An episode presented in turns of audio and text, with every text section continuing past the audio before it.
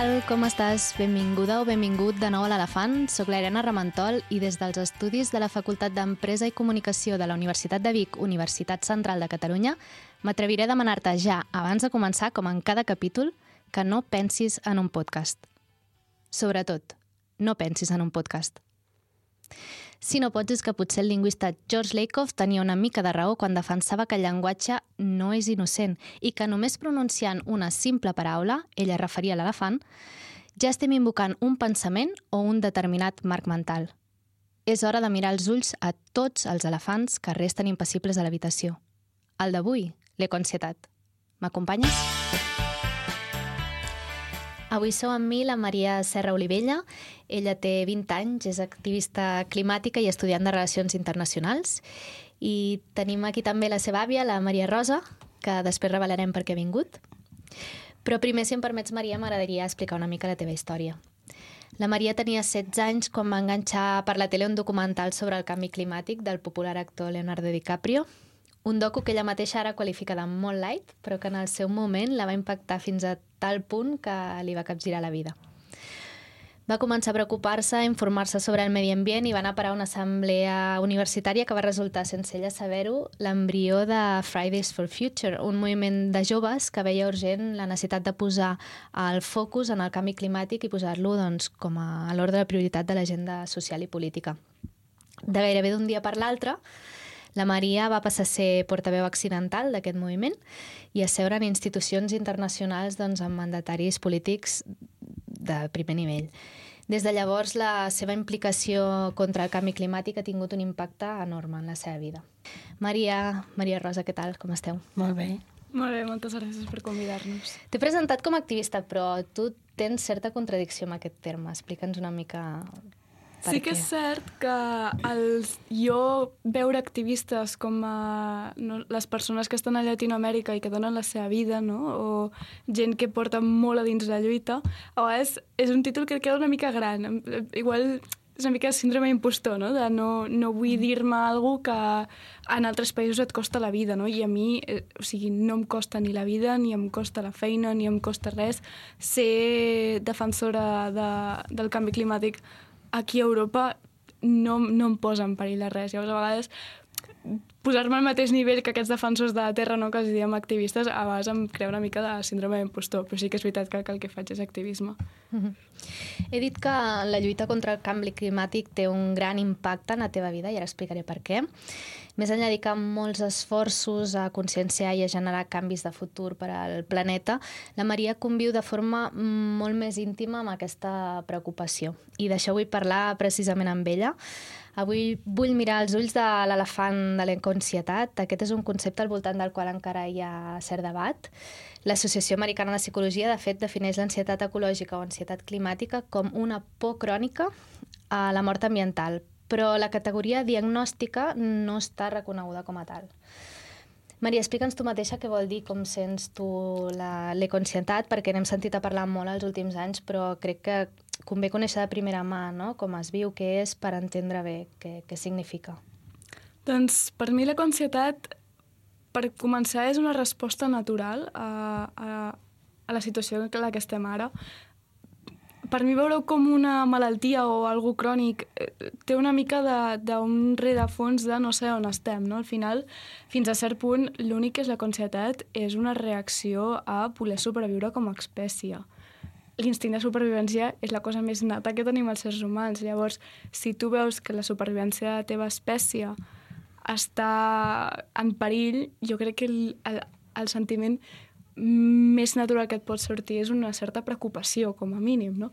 Uh, per tant, per mi la conscietat és la resposta més natural i, de fet, l'únic que és la conscietat al final és empatia. És empatia cap a generacions futures, és una por cap al teu propi jo futur, no? una empatia al que viuré jo en un futur, al que vindrà la meva família, els meus sers estimats.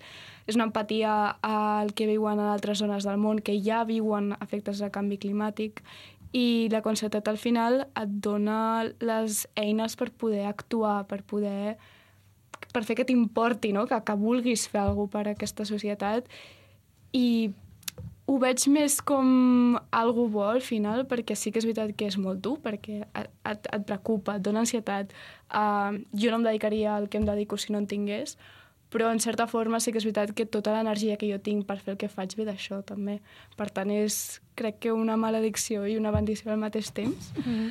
um, però sí que és veritat que, clar, a nivell psicològic, és el que s'ha discutit més aquests últims anys, no està assignat com a trastorn crònic com podria ser el trastorn d'ansietat, no ho és, uh, però sí que és veritat que dona símptomes molt reals, o sigui, és, dona, encara que no sigui una malaltia de salut mental confirmada, els símptomes que et donen sí que ho són, o sigui, l'ansietat sí que ho és, uh, els trastorns de somni sí que ho són, la falta d'atenció sí, que, sí que ho és, per tant, crec que dir que no és una enfermetat diagnosticada no treu de la gravetat i de que mm vulguem que això sigui algú que es tracta i que es mira i que es mira amb empatia. Com, com t'afecta en el dia a dia? Jo crec que sóc, dintre del que cap, uh, una persona amb, uh, dintre de, del, del vocabulari de salut mental hi ha el que diem high functioning or not, no? que és plan gent que pot funcionar altament dintre de, de la salut mental o no tu pots ser una persona amb ansietat generalitzada i que funciona bé a la societat o no. Jo crec que tinc la gran sort de que sóc capaç de redirigir tots els sentiments d'ansietat, de por i d'angústia a feina. Mm -hmm. no? Uh, jo crec que la meva teràpia és la feina. Uh, si, no, si no fes activisme segurament estaria molt pitjor de salut mental, no? És el meu fons d'escap. Al final jo crec que és una mica graciós perquè quan la gent va a conferències surten d'allà més ansiosos del que venien, no? perquè li han dit moltes coses. Però jo al revés, jo vaig a conferències i com que puc parlar del que em preocupa, surto més tranquil·la. I és com aquesta desinència de, clar, com que jo parlo d'això constantment, com més parlo d'això i més veig que la gent del meu voltant li importa i volen fer coses, jo menys ansietat tinc. I crec que al final és una mica això, la doctora Caroline Hickman, que és una gran psicòloga, um, diu que el trastorn de la conscietat és simplement una, una dissonància uh, amb el teu entorn, no? que realment tu no tens ansietat, sinó que veure que la gent al teu voltant no està preocupada és el que et preocupa. Llavors, en entorns com aquest, no? que pots parlar, en entorns uh, activistes, que pots parlar amb altra gent, és molt més fàcil. Mm perquè cada vegada més joves, 6 de cada 10, segons els darrers estudis, els salta l'angoixa quan projecten el món que, que, que hauran d'evitar en el futur? És una de les preguntes que avui m'agradaria que poguéssim respondre. Jo, jo estic convençuda que connectar amb aquesta angoixa no, no és difícil per ningú, perquè tots o qui no ha sentit en algun moment no, de la seva vida doncs angoixa o li ha saltat por, ansietat en visualitzar un, un horitzó de futur injust, no? Penso que la generació dels nostres avis i àvies van haver d'afrontar amb molta por un futur de, de postguerra. La generació dels nostres pares i mares van topar amb un futur molt incert en el qual havien de recuperar llibertats. La meva generació vam haver de lidiar amb l'angoixa d'un futur molt frustrant perquè estroncat per una fortíssima crisi doncs, que, va, que va causar la primera gran recessió a nivell global.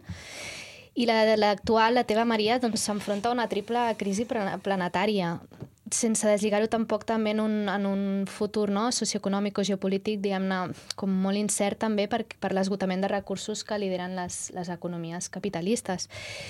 Per obrir una mica el focus i la mirada, avui farem un exercici transgeneracional molt bonic. Per això està aquí la, la Maria Rosa. Benvinguda, Maria Rosa. Gràcies. Um, a les dues m'agradaria preguntar-vos, creieu que, que és la mateixa por eh, que generació a generació vivim no? respecte al futur, la incertesa del futur, però marcada pel context que ens toca viure en cada moment? És difícil, clar, jo no puc empatitzar amb el que, amb el que va ser créixer en, en franquisme, no ho vaig viure. Uh, no sé el que és viure en dictadura, gràcies a Déu, i esperem que segueixi així, um, no sé el que és viure en molts contextos, l'únic que sé és el que és ser jove avui, no? I ser jove avui és complicat. Jo crec que la, el que a mi més em, em pesa de, de la por al futur és aquesta idea que moltes de les conseqüències del canvi climàtic que veiem al futur, no, a 15, 20, 30 anys vistes, moltes són irreversibles. El meu cap no és una crisi política que sí, que mirarà de feixisme, però igual d'aquí 50 mm, anys que no. pot ser cíclica, no? Exacte, no és un cicle, sinó que és algú al meu cap molt més permanent.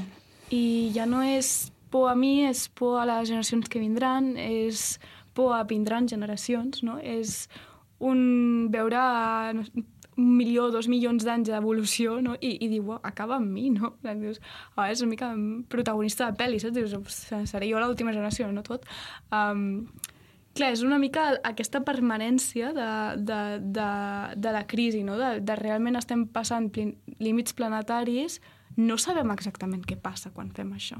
Llavors, aquesta incertesa de, de se'ns pot sumar crisis polítiques, se'ns poden sumar crisis uh, geopolítiques, però a, a nivell físic no? mai, mai havíem tingut una crisi planetària a aquests nivells. Per tant, és una mica por a la incertesa, suposo, també. Maria Rosa, veus moltes diferències amb el sí, futur que tu veies quan clar, era jove? Moltíssimes, uh -huh. clar, evidentment.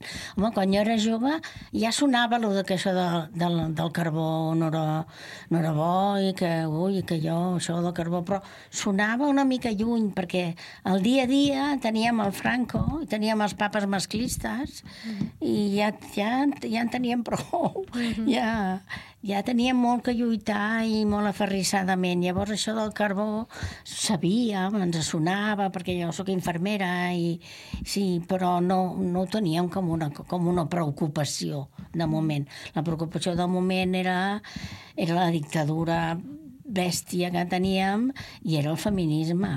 Mm -hmm. Això és el que a mi em va fer lluitar moltíssim. Mm. M'ha agradat, Maria, la teva reflexió que deies abans, no? de, de, de que l'econsietat també t'empodera o et dona forces no? per lluitar i, ah. i justament vaig llegir fa poc una frase que volia compartir amb tu perquè deia m'interessa el futur perquè és on passaré la resta de la meva vida i crec com descriu molt bé no? la inquietud que senten els joves o, yeah. o com la Maria o activistes mm. climàtics no? Um, sí que veig que això, no, l'econsietat com mostra... O sigui, té, té dues cares d'una mateixa moneda, no? en el sentit de que mostra l'empoderament d'una generació que es vol responsabilitzar del seu futur i per l'altra també mostra o evidencia una certa frustració o impotència de veure que molts canvis no estan a l'abast perquè depenen, depenen potser de decisions globals o d'organismes de poder, no? I què faries tu, Maria, si tinguessis poder polític per combatre la crisi climàtica? Molt complicat. Um, de fet, diem molt complicat, però sabem el que s'ha de fer. Uh, ens ho porten dient els científics 30 anys, per tant, no és que haguem de descobrir you know, Nàrnia. I, I no, sabem que hem de baixar emissions, sabem com fer-ho, i al final sabem que ho hem de fer d'una forma justa. Uh, jo crec que el primer que faria és complir amb acords internacionals, perquè sabem que inclús complint amb acords internacionals no està clar que ens en sortim. Per tant, els mínims més mínims per mi són el que ja s'ha acordat i com arribem allà.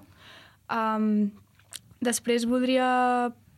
Crec que el més important és canviar una mica el focus d'on hem posat el que és important per nosaltres. No? Vivim una economia que ha marcat tot el seu succés i èxit en, en el creixement econòmic i estem veient, i ho portem veient anys, que no funciona. Funciona per molt poca gent i deixa molt malament a molta altra.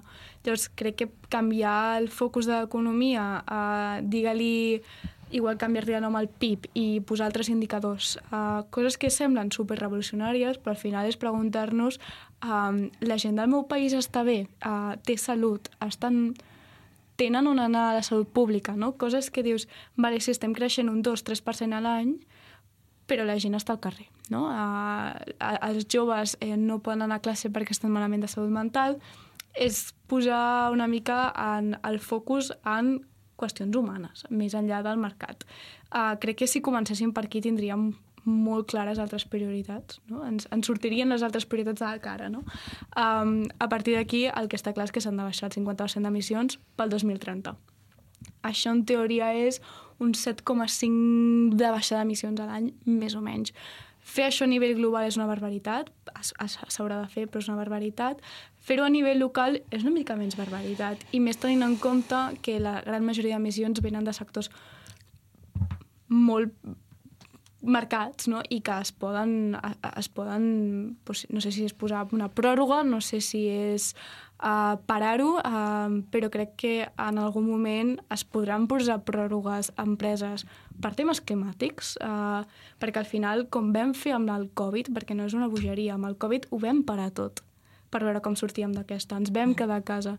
Llavors, si ho vam fer amb el Covid, per què no podem parar, parar, no? parar uh, tot el que contamini tant que no puguem viure que no sigui absolutament essencial per viure, evidentment, um, i veure com ho fem per, perquè no ens acabi matant, perquè al final, si no ho canviem, si no decreixem nosaltres, ens decreixeran, perquè ens acabarem sense recursos. Per tant, crec que mirar el sistema econòmic i mirar el sistema polític que tenim amb una mirada ferma i sense por a mm, ser massa radical, és una de les primeres coses que faria, uh, sense voler...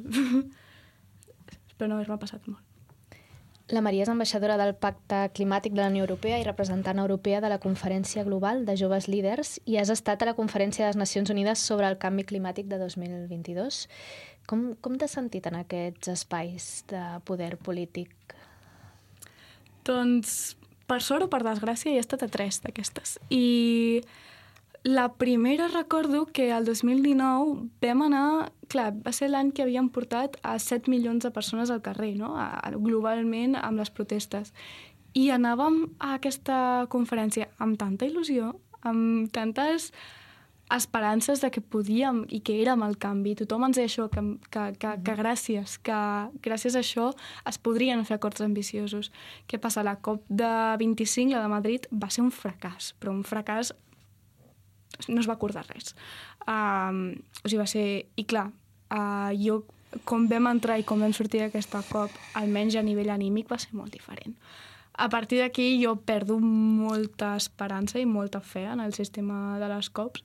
Sí que és veritat que segueixo anant perquè hi crec fins a cert punt, de que l'única forma que sortim d'això és parlant del tema i l'única forma de que els països parlin és juntar-los i, i fer que parlin. No? O sigui, en negociar democràcia i coordinació global per parar el canvi climàtic i crec, però sí que és veritat que després de veure els mecanismes i com funcionen, et cau molt, cau molt. Um, sí que és veritat que aquests llocs uh, et donen bastanta ansietat, però perquè veus a, a nivell... No, tu estàs allà, no? Estàs allà i veus que gent que no coneixes, no? adults trajeados que no has vist en la teva vida, uh, estan tanquen a sales i, i decideixen el teu futur. I tu no pots fer res, l'únic que pots fer és esperar a la porta a veure què fan.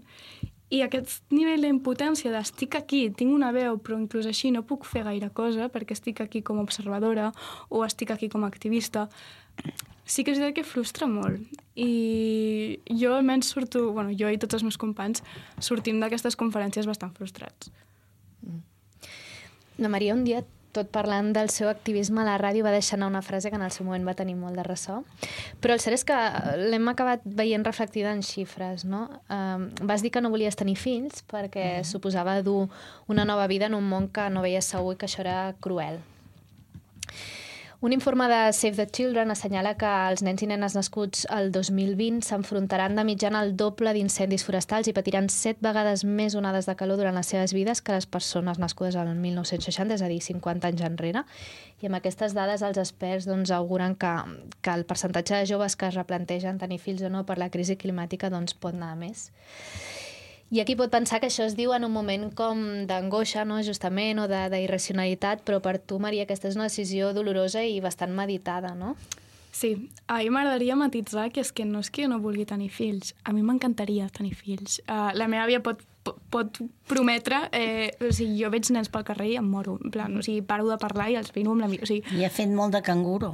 He fet de canguro des que tinc 14 anys i jo adoro els nens. Jo podré tenir una família, els meus avis van tenir una família és algo tan essencial, no?, el, el poder continuar l'espècie humana, no? És algo tan intrínsec, tan a dins teu, que plantejar-te no fer-ho, si realment vols, fa molt mal.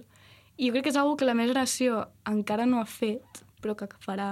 Jo vaig fer d'hora perquè em vaig trobar amb la situació, o sigui, de, de, de que sentia que no podria, um, però crec que és un exercici que moltes dones de la meva generació acabaran fent uh, matitzant, jo vull fills, uh, però només els tindré conscientment sí veig que aquests fills tenen un futur.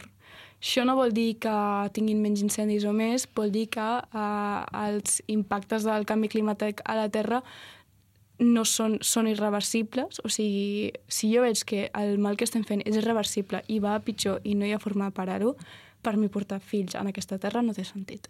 Llavors, si jo veig que és segur i que aquests nens tenen un futur i que no els estic portant a un món decaient, llavors sí, encantada. I jo sé de moltes parelles, tam també l'economia Uh -huh. L'economia ajuda, no? La gent jove està molt malament econòmicament, no té seguretat a la feina, ha de pagar uns lloguers criminals i, clar, molts diuen comprem un gosset, que és així de mono, i deixem-ho estar. I s'ajunten les dues coses. Doncs realment ha estat molt interessant poder escoltar una mica aquestes dues veus de, de generacions molt diferents, Clar. no? que, que molt marcades també per contextos diferents i, de, i per futurs diferents. Mm. Moltíssimes gràcies, Maria Rosa, per, no, per venir a nosaltres i continuem amb la Maria. Jo estic molt orgullosa d'ella i m'encanta amb ella. Consti que la meva àvia ocupava la Vall d'Hebron i anava a manifestacions, o sigui sí, que és genètic. Sí, sí, ens, va, ens hi tancava. Aquí, on, aquí on la veus? La, la, l'activisme ve d'herència, no? Una mica? Sí. La rebel·lia, més es aviat. veu que sí. La rebel·lia, més aviat. Molt bé, moltes gràcies, Maria Rosa. De res. Parlàvem de maternitat i crisi climàtica i la Maria ha volgut convidar una persona amb nosaltres doncs, que conviu amb aquestes dues facetes, sent ara mateix per tu dos camins confrontats. Ella és la Mònica Usar, mare, meteoròloga i divulgadora. Segur que moltes i molts de vosaltres coneixeu bé la seva veu radiofònica. I parlarem per videoconferència i així que posem-nos els auriculars. Maria? Hola, Mònica, com estàs? Hola, molt bé. Encantada d'estar amb vosaltres. Jo com a mare, i suposo que a tu també et passa, Mònica, em pregunto sovint com serà el món que habitaran els nostres fills. S serà un lloc amable per viure i què, què respondríeu? Uh, no ben bé, no ben bé. Jo t'haig de dir que, clar, dedicant-me al que em dedico, uh, molt sovint donem notícies relacionades amb el canvi climàtic, sobretot, o amb el futur del nostre planeta, que no són molt esperançadores. Aleshores, per exemple, avui mateix hem donat una notícia sobre l'Àrtic, que l'Àrtic l'any 2030, a partir del 2030, ja podríem arribar al setembre sense gel, no? I això és una imatge que mai m'hauria imaginat jo, no? Quan ets més petit i saps com és el nostre planeta i on sempre hi ha gel i on no, i on viuen aquestes espècies i aquests els altres i tot plegat, no t'imagines que això algun dia podrà canviar. I encara t'imagines menys que aquest canvi l'estaràs provocant tu, com a humà, com a persona que viu al planeta, no? Llavors, veient que a curt termini ja ens passen moltes coses, que no cal esperar que els nostres fills siguin grans per veure la repercussió que això està tenint, perquè ja està passant ara mateix, doncs fa molta por fa por perquè és un futur incert i quan no sabem què els hi vindrà, no, els més petits de casa, això com a pares ens pot crear un cert neguit. Sempre ens agrada avançar-nos i fins i tot poder ajudar abans que arribin aquests canvis, no, perquè la nostra criatura doncs, sàpiga adaptar. Perquè al final la clau de tot plegat és saber-se adaptar. Però és veritat que si va molt ràpid aquest canvi, doncs les adaptacions poden ser més traumàtiques que no passi aquest canvi fos més lent o fos d'una manera més natural. Per tant, Um, um, un canvi amable no el veig, veig un canvi que serà més aviat brusc i veig que la capacitat d'adaptació als nostres fills serà la clau. I al final potser és uh, cap aquí cap on hem d'encaminar doncs, els nostres esforços perquè ells s'acostumin a aquests canvis. Seguint una mica el que diu la Mònica, estic molt d'acord i que crec que la clau més important amb els nens d'avui en dia o els nens que vinguin aquí als 10 anys, d'aquí 10 anys és formar-los, no? Formar-los amb tot el, el camí on van formar, formar, com podria ser plantar tomàquets, no? O sigui, tot, el, tot això que a mi no m'han ensenyat, que és estar en contacte amb la natura, que és conrear, que és uh, una mica sobreviure, no? Uh, que se'ls ensenya a ells, que tinguin una certa resiliència a una natura igual no tan amable. I crec que l'educació aquí serà molt clau. Mm -hmm. hi, hi ha un objectiu científic molt clar, Mònica, no superar el llindar de l'1,5 graus d'escalfament global Veiem amb impotència com ens hi acostem i fins i tot hi ha projeccions que anticipen un escalfament de l'entorn dels 2,5 graus ja a finals de segle. Però el cert és que de passar d'aquesta línia vermella dels dos graus ja no hi ha cap projecció optimista, o sigui, ni tan sols podem intuir-ne les, les conseqüències. Com, com reaccionarà el planeta a un escalfament d'aquesta magnitud? Entrem com en un mar d'incertesa, no? A veure, uh, sí que hi ha tots aquests llindars que han anat posant i a cada llindar li posen uh, els seus números, no? Diuen si puja 1,5, si puja 2, si puja 2,5, si puja 3, quin serà l'augment del nivell del mar, quines seran les conseqüències a nivell de mortalitat, de zones costaneres que quedaran inundades, de malalties, de pandèmies, no? Tot això jo crec que ho tenen de manera teòrica ja escrit. Sí? Però què passa? Que com mai el nostre planeta ha viscut un canvi climàtic com el que estem vivint ara, no tenim ben bé on emmirallar-nos. És a dir, tu no pots fer un pronòstic sense tenir una base de dir eh, puc agafar-me això i saber què va passar en un passat quan el preàmbul era el mateix que ara. No, anem una mica cegues. I això s'està veient quan eh, a la notícia de l'Àrtic s'esperava que passés més endavant i passarà molt abans. Per tant, això vol dir que hi ha factors que ens ballen una mica i que a l'hora de fer els pronòstics no anem bé.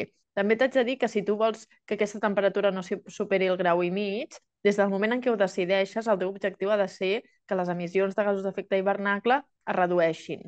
Val? I això no està passant. Estan augmentant. Per tant, mm, és que és un acord, aquest grau i mig potser ens l'hem de començar a treure del cap, perquè ja hi ha zones del planeta que fins i tot aquest grau i mig ja el superen. I precisament hi ha punts calents. El Mediterrani, per exemple, és un punt calent on la temperatura va més accelerada que la resta. Per tant, eh, jo crec que aquestes projeccions que nosaltres anem fent ens portaran a un escenari una mica perdut i que fins que no hi arribem, doncs no ho sabrem. I anirem veient que segurament aquelles coses que s'havien projectat per l'any 2050 començaran a passar ara, per l'any 2100 passaran d'aquí 10 anys i així anirem fent. Ah, no sé molt bé com seguir això. Crec que és important um, posar-nos al cap que encara que haguem de sobrepassar l'1,5 cada dècima de grau és important. Cada dècima de grau que no pugem salva espècies, salva milions de vides. Llavors, hi ha molta... Sempre que vas a la COP o vas a qualsevol conferència, no? sempre hi ha el 1,5, 1,5, limitar a 2. No, no. Si, si passem l'1,5, ens quedem a 1,6, 1,7. Arribar a 2 graus, la diferència entre 1,5 i 2 graus és abastadora. O sigui, estem parlant de bilions de vides. Per tant, crec que és molt important que encara que es passi l'1,5 a molts llocs, fer lo humanament impossible, inclús inhumanament possible, perquè no passi d'això. Mhm. Fent una ullada a l'evolució de la temperatura mitjana anual de la Terra, es veu clarament que el canvi brusc de tendència es dona a partir dels anys 70-80 en endavant, que és quan s'instal·la la societat de consum des de llavors, les dades és que no deixen d'evidenciar doncs, que consumim en excés i de forma irracional i que això té un impacte enorme en el nostre món. Què, què els hi demaneu vosaltres a les persones de, del vostre entorn, familiars o amics, que, que facin per frenar el canvi climàtic, més enllà no? de, de, de, de, de crear consciència? Quines, quines pràctiques o quins hàbits eh, reclameu uh, en el vostre entorn? A veure, uh, sí que deixar de ser egoistes, et diria, perquè jo crec que tothom pensa molt en ell mateix i en el seu benestar, en la seva comoditat. El Dia Mundial del Medi Ambient, per exemple, que va ser aquesta setmana, parlàvem del tema dels plàstics, perquè aquest any anava enfocat a això, no?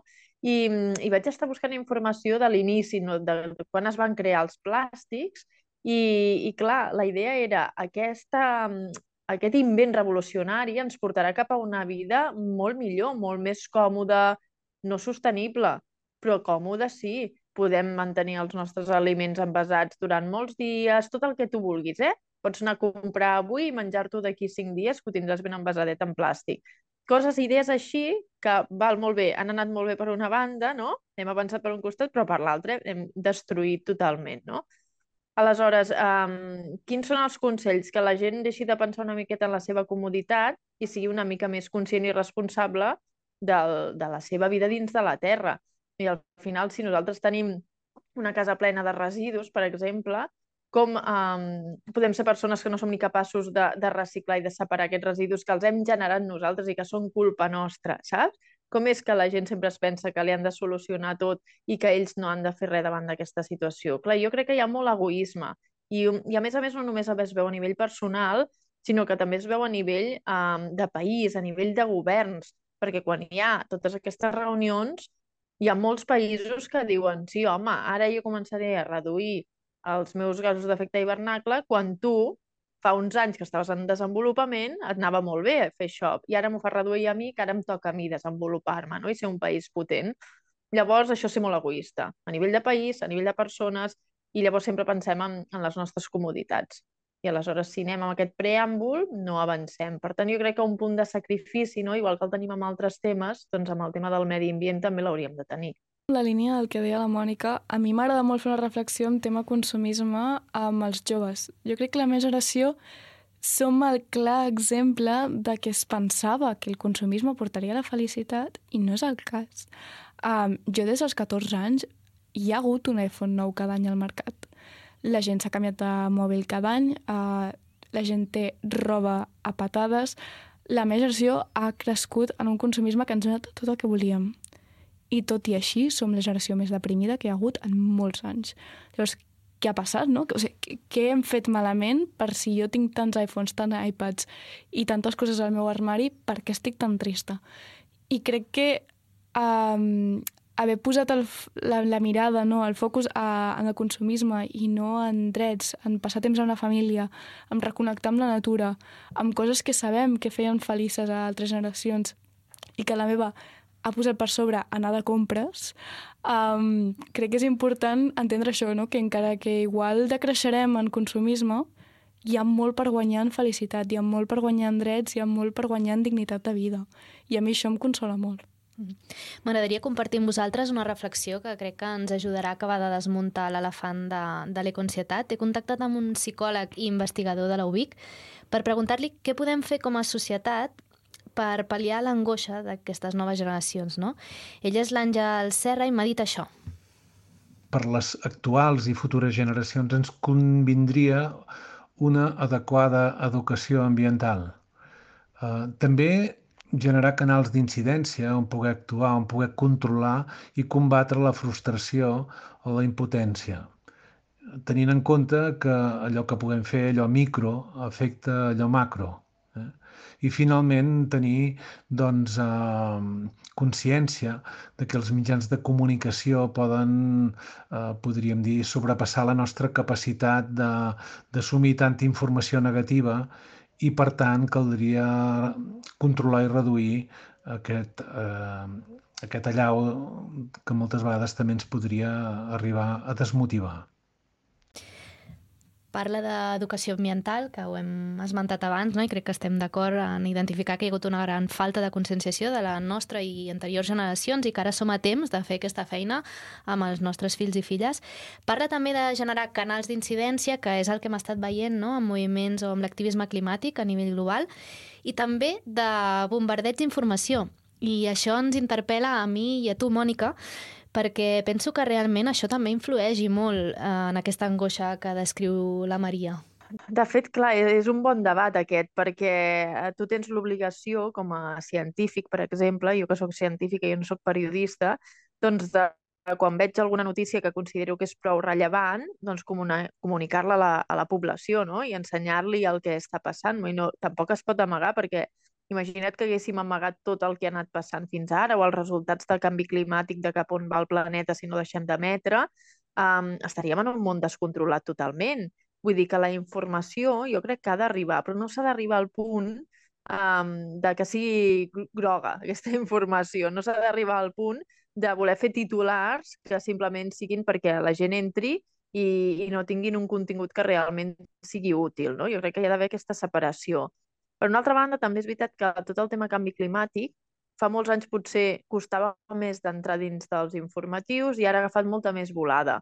Jo sempre remarco la figura de la Greta Thunberg perquè ens va com obrir la porta a molts científics i a molta gent que ha fet estudis perquè se'ns escoltés perquè jo portava anys picant pedra amb el tema canvi climàtic i era un tema que no interessava, que avorria, ai, ara no anem a atabalar la gent amb això i, i a generar-li aquesta o ansietat, o no sé com dir-te, o avorriment, perquè a vegades, quan parles d'aquests temes, doncs la gent pot desconnectar, en plan, ara qui m'està explicant, no? I en canvi, aquí va haver com un, un procés amb la Greta que se'ns van començar a obrir portes i tot el tema canvi climàtic va començar a interessar molt i això, sumat a que van passant coses, perquè al nostre planeta li van passant coses i de manera molt ràpida i molt sorprenent, no? Que hi hagi pedregades amb pedres enormes, que hi hagi inundacions, que hi hagi falta d'aigua, que hi hagi rècords de temperatura a molts països any sí, any també. I això al final ho agafes tot i veus que està passant i els mitjans de comunicació se n'adonen que és una realitat i llavors aquí has de donar veu, has de donar l'altaveu per poder-ho explicar. Jo sóc partidària d'explicar-ho sempre sent molt estricte, molt científic, molt rigorós, intentant no fer titulars que no vagin d'acord amb el que realment és la notícia. El nord es desfarà del tot per primera vegada en els pròxims 30 anys. La humanitat sobrepassa els límits físics del planeta per garantitzar una vida segura i justa. Catalunya s'escalfa el doble que el conjunt del planeta. El Mediterrani s'escalfarà entre 3 i 4 graus més i pujarà un metre a final de segle. Realment aclaparà. Per tu, Maria, de fet, un, la publicació d'un informe, per exemple, del grup intergovernamental sobre el canvi climàtic, el famós IPCC, eh, que el composen científics d'arreu del món, té un impacte enorme, fins al punt d'alterar el teu benestar. Sí. Um, jo recordo el 2017 va sortir l'informe 1,5, que de fet és l'informe al que es basaven doncs, totes les manifestacions que vam fer el 2019, que és el de l'1,5, que és el de no passem al llindar perquè ja que ja coneixem. Um, des de llavors s'han publicat dos, artic dos informes més i el, el quart, o sigui, els que són quatre però que són en un. Um, I sí que és veritat que com a mode anècdota amb els meus amics climàtics, no, amb els altres activistes, ens mirem les conferències de l'IPCC com si miréssim una pel·lícula, o sigui, quedem per mirar les conferències de l'IPCC, que són una fricada, però és que t'estan explicant el teu futur i t'estan explicant um, amb gràfiques, amb números, amb anys, uh, i sembla una pel·lícula de por dels, Avengers, dels Avengers, no? Uh, però és que no ho és, o sigui, és real. Jo crec que el que més costa és entendre que realment del que estan parlant és real, no? O sigui, com fer la connexió emocional de el que m'estan dient aquests científics, que no conec absolutament res, en un llenguatge supercientífic que segurament no entenc, és una que m'afectarà a mi. A mi aquesta connexió fer-la em costa, però encara em costa més un cop l'has fet, com ho paeixes, com ho digereixes, no? Um, L'últim informe deia que no ja passaria amb l'1,5, no? Um, que com a molt, si aconseguíem treure carboni de l'atmosfera, doncs podríem tornar a l'1,4 en algun moment, però que l'1,5 no, no baixava. Uh, després de 3 anys uh, plorant absolutament a tothom per no passar l'1,5, va ser molt dur. Um, has de canviar totalment de discurs, perquè també has de canviar totalment de perspectiva pel teu propi futur. Perquè per mi l'1,5 era com aquest monstre elefant enorme del que havíem de lluitar, no? I entendre que sí o sí això estaria al meu futur, a mi em va ser molt dur al final, clar, um, no només sóc activista, sóc estudiant, sóc jove i has de seguir amb la teva vida i has d'anar a classe i has de mantindre converses amb les teves amigues dels seus nòvios, no?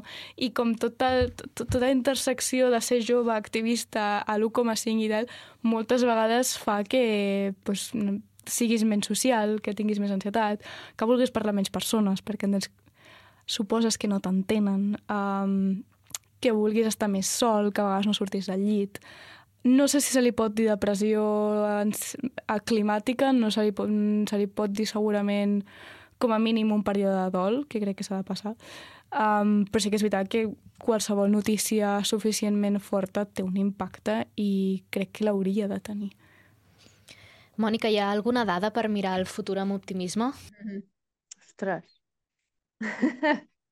Ara aquí m'has enganxat bastant, eh? A veure, jo sóc optimista potser quan veig que encara hi ha esperança dels diferents països per quedar, per fer una, un, simplement per fer una reunió i intentar seure i decidir alguna cosa d'això, perquè ja et dic, podríem estar ignorant aquesta problemàtica i que anés passant i, i no fer res. I és un tema doncs, que se'n parla, cada cop se'n va parlant més i segurament hi ha països del món més conscienciats, eh, es van movent el tema de les energies renovables, la gent té consciència, per exemple, de comprar-se un cotxe elèctric en comptes d'un cotxe de, de benzina, la gent té consciència cada cop més en, en reciclar, la gent jo crec que va agafant consciència tot plegat i llavors aquesta és la part positiva. Encara que anem lents comparat amb el nivell amb el que el planeta està avançant al canvi, en aquest cas anem lents, però, però estem fent alguna cosa que podria ser pitjor i podríem no estar fent res. Per tant, valoro com la intenció de tothom de canviar, encara que sigui poqueta cosa, a casa o a nivell de governs, de reunir-se les COPs que es van fent, i em quedaria amb això, perquè a nivell d'aconseguir reptes de reducció de gasos d'efecte hivernacle o que la temperatura deixi de pujar, o que no hi hagi les conseqüències que el canvi climàtic, per exemple, ens està portant, això no, no ho veig. Ho veig més com a intenció de gent que no pas com a, com a resultat del que està passant al planeta. Maria Mònica, ha estat un plaer poder mirar els ulls de l'elefant de la crisi climàtica i l'econsietat amb vosaltres. Gràcies. Moltes gràcies a vosaltres. Moltes gràcies per convidar-nos. Gràcies també a l'Àngel Serra i a la UBIC per acollir-nos un cop més als seus estudis. Queden encara dubtes, segur, i sobretot moltes incerteses de futur, però esperem que amb la nostra conversa haver contribuït almenys una mica a posar un granet de sorra més per crear consciència climàtica, allò de creure més en l'efecte papallona i entendre que tots, totes hi tenim molt a fer. Gràcies i ens retrobem en un nou episodi de l'Elefant. Una abraçada.